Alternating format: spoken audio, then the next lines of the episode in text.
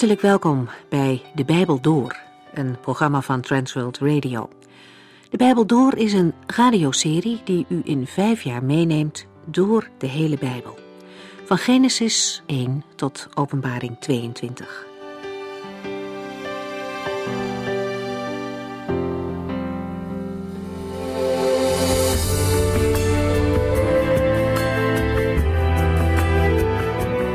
In deze Bijbelstudie zijn we bezig met Matthäus en daarin staat het Koninkrijk van God centraal. In hoofdstuk 8 en 9 beschrijft Matthäus een aantal wonderen die de Heer Jezus heeft gedaan. Daarin wordt de macht van de Heere God zichtbaar. Matthäus geeft niet zozeer een chronologische beschrijving van het leven van Jezus, maar hij geeft meer een lijn weer. De vorige keer hebben we het over drie genezingen gehad. Een Melaatse, de knecht van een Romeins officier en de schoonmoeder van Petrus. De Melaatse komt bij de Heer Jezus en het is indrukwekkend om te horen wat hij tegen Jezus zegt. Heere, als u wilt, kunt u mij genezen. De man, die Melaats was, leefde aan de rand van de maatschappij. Hij was verstoten, moest zijn gezin verlaten en hij kon ook niet in de tempel terecht. En zo komt hij bij Jezus. Hij zegt niet, ik wil graag, maar hij zegt, Heer, als u het wilt. Hij gelooft namelijk dat de Heer hem kan genezen en ongetwijfeld wil hij dat ook graag.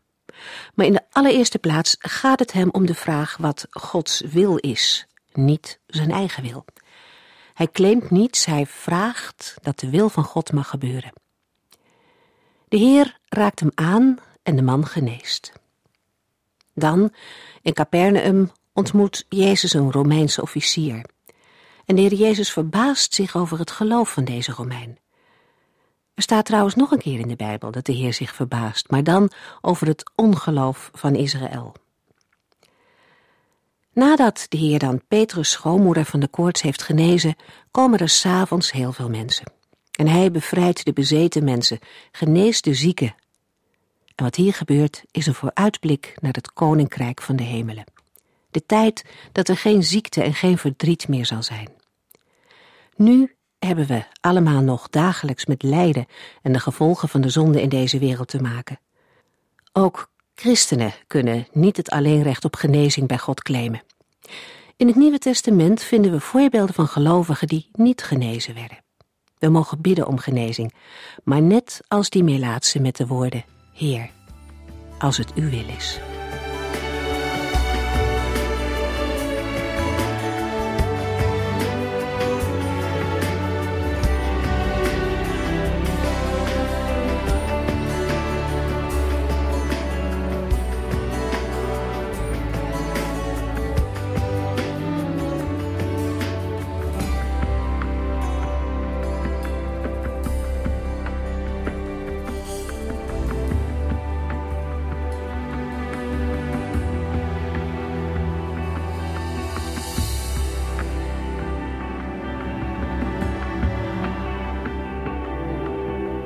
In deze uitzending gaan we verder met het lezen en bespreken van Matthäus 8. In de vorige uitzending zijn we gekomen tot en met Matthäus 8, vers 17 en we gaan nu verder met Matthäus 8, vers 18. Jezus zag dat er steeds meer mensen om hem heen kwamen staan. Hij zei tegen zijn discipelen dat ze het meer moesten oversteken. De Heer Jezus had vele zieken genezen Daarmee bedoel ik niet alleen de genezingen die in de Bijbel zijn beschreven. Johannes vermeldt in Johannes 20, vers 30 en 31 veel van de wonderen die Jezus voor de ogen van zijn leerlingen heeft gedaan, staan niet in dit boek vermeld. Ik heb hier enkele opgeschreven, opdat u zult geloven dat Jezus de Christus is, de Zoon van God. Als u in Hem gelooft, leeft u in Zijn naam. De heiland heeft meer mensen genezen dan in de Bijbel zijn beschreven. Toen Jezus tegen zijn leerlingen had gezegd dat ze het meer moesten oversteken, gebeurde er het volgende. Matthäus 8, vers 19. Op dat moment kwam er een Bijbelgeleerde naar hem toe en zei: Meester, ik zal u volgen waar u maar heen gaat. Waarschijnlijk was deze Bijbelgeleerde een jonge man. Een oudere Bijbelgeleerde had zo niet gehandeld. Mogelijk speelde hij al met de gedachte om Jezus wel of niet te volgen. Hij wist nog niet wat hij moest doen. Toen de Heer Jezus tegen zijn leerlingen zei: Steek het meer over, nam hij een besluit. Meester, ik zal u volgen, waar u maar heen gaat. De Heer kijkt hem aan en Jezus antwoordde: Vossen hebben holen en vogels nesten, maar ik, de mensenzoon, heb geen plaats om mijn hoofd neer te leggen. Matthäus 8, vers 20. In feite zei de Heer Jezus tegen deze jonge Bijbelgeleerde: Heeft u de kosten van het mij volgen wel berekend? Met andere woorden, als wij ergens heen gaan, vinden er geen reserveringen in een hotelplaats. Wij hebben geen vaste verblijfplaats. De vogels hebben nesten, de vossen hebben holen, maar de zoon des mensen heeft geen plaats om zijn hoofd neer te leggen. De Heer Jezus volgen betekent ook zijn zorgen en verzoekingen delen. Ook zijn volgelingen hebben geen thuis in deze wereld en hun lot hier is onzeker. De uitdrukking zoon des mensen of mensenzoon komt hier voor het eerst in het Nieuwe Testament voor. Ze werd al voor de dagen van de Heer Jezus gebruikt als een aanduiding van de Messias, Daniel 7 en Psalm 8, maar was bij de grote massa onbekend. In het Matthäus-evangelie wordt de uitdrukking 32 keer door de Heer gebruikt. In Matthäus 8, vers 20 getuigt de Heer van zichzelf dat Hij de Zoon des Mensen is, de beloofde Messias. Maar hij moet ontberingen lijden en wordt verworpen. Matthäus 8, vers 21. Iemand anders, een van zijn leerlingen, vroeg: Heere, vindt u het goed dat ik pas weer met u meega nadat ik mijn vader heb begraven? Dit voorval is vaak verkeerd begrepen. Vooral het antwoord van de heiland klinkt ongevoelig en hard in onze oren. Wat gebeurt er?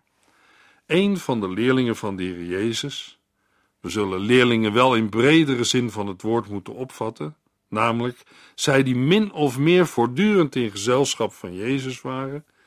Een van die leerlingen wil ook Jezus volgen, net zoals die jonge Bijbelgeleerde van daarnet. Maar hij vraagt toestemming aan de Heer Jezus om dat te doen nadat ik mijn vader heb begraven. En wat is dan het antwoord van Jezus? Matthäus 8, vers 22. Nee, antwoordde Jezus, ga met mij mee. Laat de mensen die geestelijk dood zijn hun eigen doden maar begraven. In Israël werden de doden nog op dezelfde dag begraven, Handelingen 5. Het was in Israël een godsdienstige plicht die voor alles nagekomen moest worden en die zelfs belangrijker was dan het studeren in de wet. Al weten we uit het Oude Testament dat Elisa, voordat hij Elia volgde, eerst naar huis mocht om afscheid te nemen. 1 Koningen 19 vers 20. Hoe moeten we het antwoord van de heiland nu uitleggen? Het kan maar op één manier worden uitgelegd. Laten zij die geestelijk dood zijn, de doden, lichamelijk, begraven. Met doden wordt de geestelijk doden bedoeld. Dat zijn de mensen die geen gehoor geven aan de woorden van Jezus en daarom geen deel hebben aan het koninkrijk van God. Het volgen van de Heer Jezus Christus, Hem gehoorzamen, is belangrijker dan alle andere menselijke plichten, inclusief de godsdienstige plichten. Er is ook nog een ander aspect aan deze geschiedenis. Het is typisch Oosters, maar kan ons helpen de woorden van Jezus beter te begrijpen. Een bekende wetenschapper met veel kennis van het Midden-Oosten vertelt in een van zijn boeken over een voorval dat hij meemaakte toen hij een Arabische gids wilde huren. Hij had uitgelegd waar hij heen wilde en zocht voor de reis een gids. Hij kreeg een naam van een jonge man die een heel goede gids zou zijn. De wetenschapper ging naar hem toe en vroeg hem of hij zijn gids wilde zijn. Hij kreeg als antwoord: Ik moet eerst mijn vader begraven. Maar het vreemde was dat zijn vader, zo gezond als een vis, voor de deur van zijn hut zat. Wat wilde de jonge Arabier met zijn antwoord: Ik moet eerst mijn vader begraven, nu precies zeggen? Hij wilde zeggen dat hij niet kon meegaan, omdat hij voor zijn vader moest zorgen totdat deze stierf. Hij was als zoon verantwoordelijk voor zijn vader. In het licht van deze anekdote zijn de woorden van Jezus niet ongevoelig en hard. De heiland zegt tegen de jonge man die naar hem toe kwam: Laat iemand anders voor je vader zorgen, of mogelijk kan je vader ook voor zichzelf zorgen, maar voor jou is het allerbelangrijkste: volg mij. Wie staat er bij u, bij jou en bij mij op de eerste plaats? Matthäus 8, vers 23. Hij stapte in de boot en ging met zijn leerlingen naar de overkant van het meer. Met dit vers komen we bij het vijfde wonder in Matthäus 8. Het heeft niets te maken met genezing van een zieke. Het is een wonder van gezag. De macht en het gezag van de koning wordt getoond. Matthäus 8, vers 24. Terwijl zij overvoeren, stak er plotseling een hevige storm op. De golven waren zo hoog dat ze over de boot sloegen. Jezus lag te slapen. Dit was geen gewone storm. Dit is een poging van Satan om de Heer Jezus te vernietigen. Uit de mededeling dat Jezus lag te slapen zien we dat hij echt mens was. Hij was uitgeput na een vermoeide dag van werken. Daarnaast zal in het vervolg ook zijn goddelijkheid blijken. Matthäus 8, vers 25 en 26. De leerlingen gingen naar hem toe en maakten hem wakker. Heere, schreeuwden ze, red ons, wij vergaan. En wat doet de Heer Jezus? Jezus zei: Waarom zijn jullie zo bang? Hebben jullie zo weinig vertrouwen? Hij ging staan en zei tegen de wind en de golven dat zij moesten ophouden, en het werd doodstil. De angst had bij de leerlingen het vertrouwen op God verdreven. Daarom vraagt Jezus: Waarom zijn jullie zo bang? Daarna bestrafte hij de wind en de zee als een hond die moet gaan liggen. En de golven van het meer werden vlak als een spiegel. Het valt niet altijd mee om een moedige volgeling van de Heer Jezus te zijn. Vooral niet als er allerlei stormen over je levensboot losbarsten. Toch lezen wij van dezezelfde mannen in Handelingen 4, vers 29 dat ze zeiden: Kijk, Heer, hoe ze dreigen. Geef uw knechten vrijmoedigheid om te zeggen wat u hen opdraagt. Die vrijmoedigheid en dat gebed hebben ook wij vandaag nodig om te doen wat de Heer opdraagt.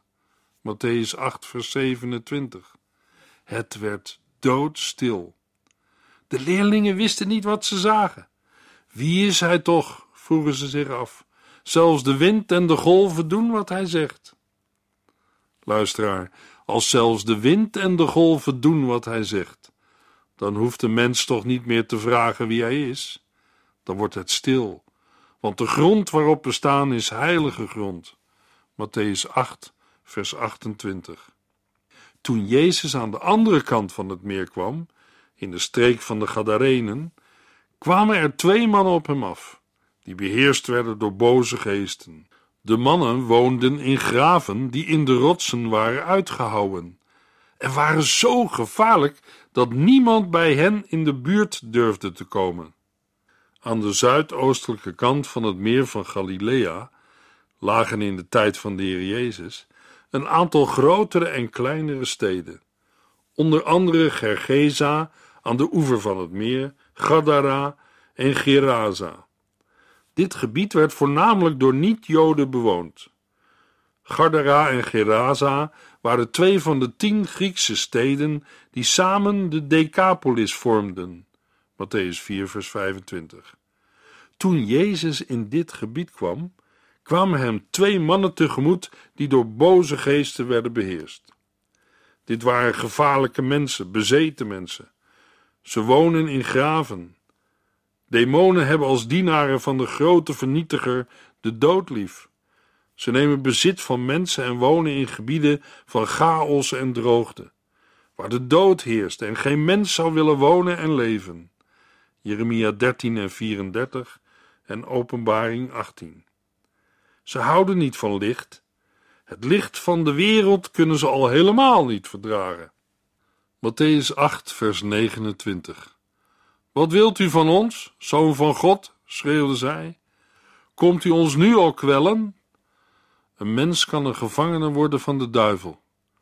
Met allerlei middelen en gebeurtenissen probeert de vorst van de duisternis bezit te nemen van mensen. De boze geesten weten dat zij bij de komst van de Messias en het aanbreken van zijn koninkrijk in de afgrond zullen worden geworpen. Lucas 8 en Openbaring 20. Komt u ons nu al kwellen? Maar ondanks dat verzetten ze zich toch. Het Marcus-evangelie geeft wat meer informatie. De boze geesten proberen Jezus af te weren, macht over hem uit te oefenen door zijn naam te noemen. Ze proberen hem zelfs in de naam van God te bezweren dat de tijd van het oordeel nog niet is aangebroken. Marcus 5, vers 7. Wat gaat er nu gebeuren? Matthäus 8, vers 30 en 31. Een eind verderop liepen grote kudde varkens eten te zoeken. Als u ons wegjaagt, stuur ons dan in die varkens, smeekten de boze geesten. Varkens zijn voor Joodse mensen onreine dieren. Leviticus 11, vers 7. Varkenshoeder was voor hen een verboden beroep. Volgens het evangelie naar Marcus bestond de kudde uit 2000 varkens. Marcus 5, vers 13. Boze geesten blijken een lichaam nodig te hebben om zich te manifesteren. Als ze geen mens kunnen vinden, dan maar een dier. Maar dat weten we al uit het eerste Bijbelboek. Toen de poging van de boze geesten om Jezus af te weren mislukte en hun volkomen onmacht tegenover de zoon des mensen had aangetoond, gingen zij over op smeken. Ze smeekten Jezus in de kudde varkens te mogen varen om zo voorlopig bewaard te blijven voor de pijniging van het eeuwige oordeel in de afgrond. Lucas 8, vers 31. En wat zei Jezus? Matthäus 8, vers 32. Goed, zei Jezus, ga. De geesten verlieten de twee mannen en gingen in de varkens. Alle varkens stormden de steile helling af en verdronken in het meer. We moeten oppassen om mensen zomaar een etiket bezeten op te plakken. Maar dat wil niet zeggen dat er in onze tijd geen bezetenen van de duivel zijn. Helaas leven wij in een tijd waarin het demonische zich steeds meer openlijk manifesteert. Allerlei vormen van hekserij en satanisme overspoelen de mensheid. Het paranormale is vandaag spannend en in trek. In een onzekere wereld is iedereen op zoek. Waar zoekt u? En jij? Er zijn vandaag veel mensen door boze geesten bezet. In Efeze 4, vers 27 worden mensen opgeroepen om de duivel geen schijn van kans te geven. Daarom trek de geestelijke wapenrusting aan. U leest er meer over in Efeze 6. Daar gaat het over de wapens die God geeft. Want wij vechten niet tegen mensen, maar tegen onzichtbare wezens de duivelse heersers en machten die deze donkere wereld tyranniseren, boosaardige geesten in de onzichtbare wereld om ons heen. Bewapen u dus met al Gods wapens om u te kunnen verdedigen als de vijand aanvalt. Boze geesten zijn gevallen engelen, net zoals hun meester, de duivel, de slang, de mensenmoordenaar van de beginnen. 2 Petrus 2 en het Bijbelboek Judas. Matthäus 8, vers 33 en 34. De varkenshoeders vluchtten naar een nabijgelegen stad en vertelden wat er allemaal was gebeurd. Het verhaal over de twee bezetenen bracht grote opschudding teweeg. De hele stad liep uit naar Jezus toe. Toen zij bij hem kwamen, vroegen zij hem dringend weg te gaan. De mensen vroegen Jezus om weg te gaan. Wat een ironie! Ze gaven de voorkeur aan de varkens en de duivel boven hem. Hij werd door hem verworpen. Maar er bleven twee bevrijde mensen achter. Als evangelisten lezen we in Lucas 8, vers 39. Er is nog hoop. En wat doet de Heer Jezus? Matthäus 9, vers 1.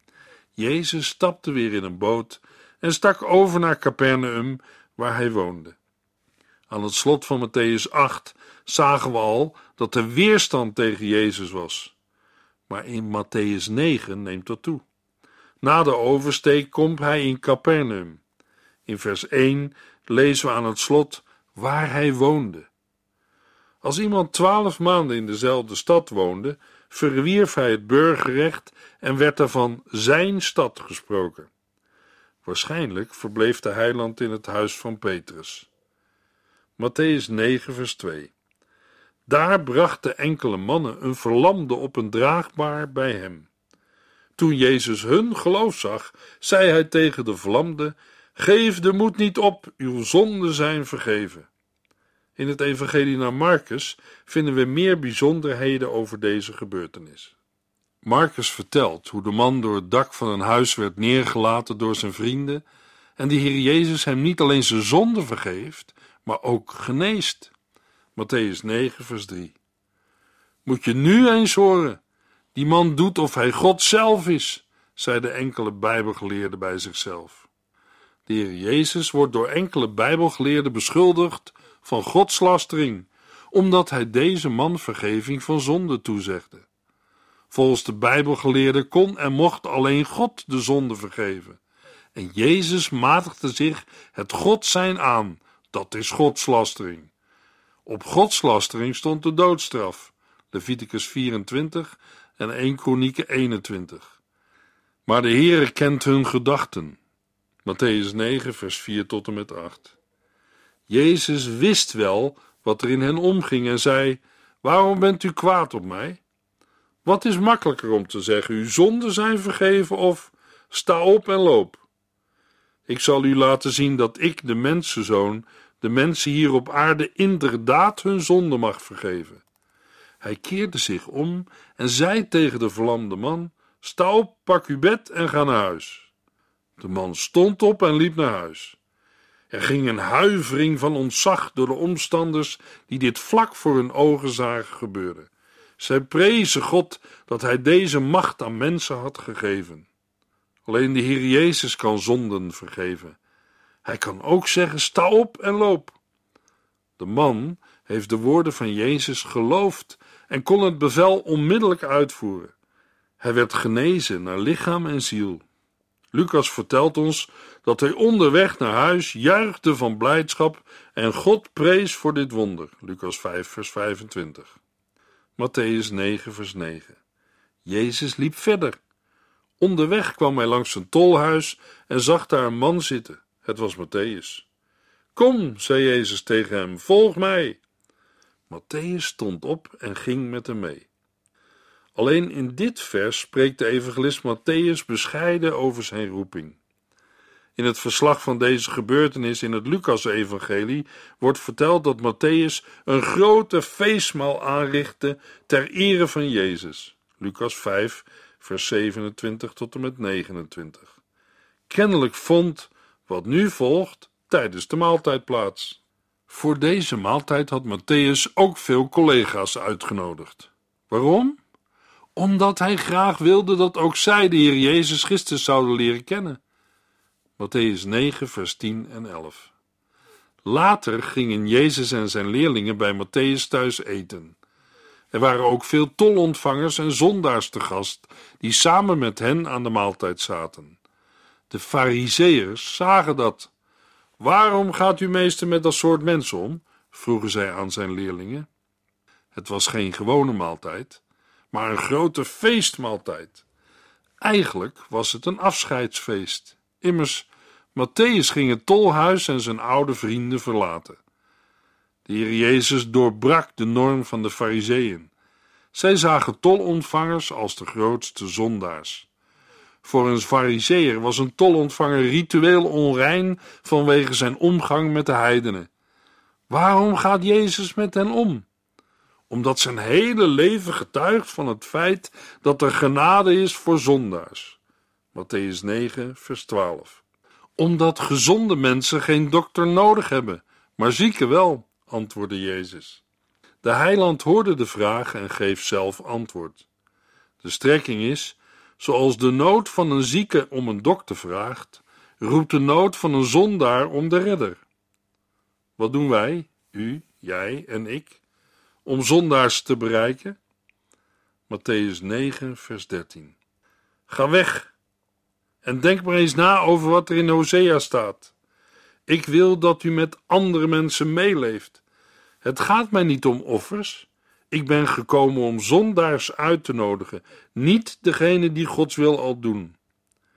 Jezus citeert Hosea 6, vers 6 uit het Oude Testament. Tegelijk spoort hij zijn hoorders aan tot zelfonderzoek, vooral met betrekking tot hun roeping ten opzichte van tolontvangers en zondaars. Wie behoren er allemaal tot de categorie zondaars? De Bijbel is er duidelijk over. Romeinen 3, vers 23. Alle mensen hebben gezondigd en missen daardoor Gods nabijheid. Matthäus 9, vers 14. Op een dag kwamen de leerlingen van Johannes de Doper naar Jezus toe. Zij vroegen hem: Waarom vasten uw leerlingen niet, zoals wij en de Fariseeën?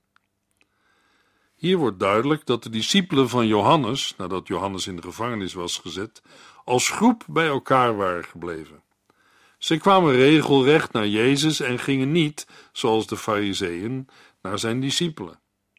De Fariseeën kwamen vaak om te bekritiseren, maar de vraag van deze discipelen getuigt van veel meer bescheidenheid. Het antwoord van de heiland is dan ook milder. Ook voor de discipelen van Johannes was de aanleiding van de vraag het feestmaal in het huis van Matthäus. Het feit dat zij vaak tijd namen om te vasten, onderscheidde hen van de leerlingen van Jezus. Het verschil viel juist daarom sterk op, omdat de dag van het feestmaal voor hen juist een dag van vasten was. Marcus 2, vers 18. In de wet was er maar één dag vastgesteld waarop gevast moest worden, namelijk op Grote Verzoendag, Leviticus 16, vers 29. Maar er werd ook op andere dagen gevast, zogenaamde nationale rouwdagen, Zacharia 7. De Fariseeën vasten twee keer per week op maandag en op donderdag, Lucas 18, vers 12. In Matthäus 9 lezen we dat er door de discipelen van Johannes ook regelmatig werd gevast. Het gaat hier niet over het vasten op zichzelf. Jezus heeft zelf ook gevast en heeft dat ook van zijn discipelen verwacht. Dan gaat het over een persoonlijk vrijwillig vasten in geloof en met gebed. In Matthäus 9 gaat het over de oud-testamentische manier van vasten, als uitdrukking van verdriet, dat onder andere ook op vaste tijden gebeurde, Zachariah 7 en 8. Daar deden de Heer Jezus en zijn leerlingen niet aan mee. Waarom zouden de bruiloftgasten treuren zolang de bruidegom bij hen is? Matthäus 9, vers 15. In de volgende uitzending gaan u en jij er meer over horen.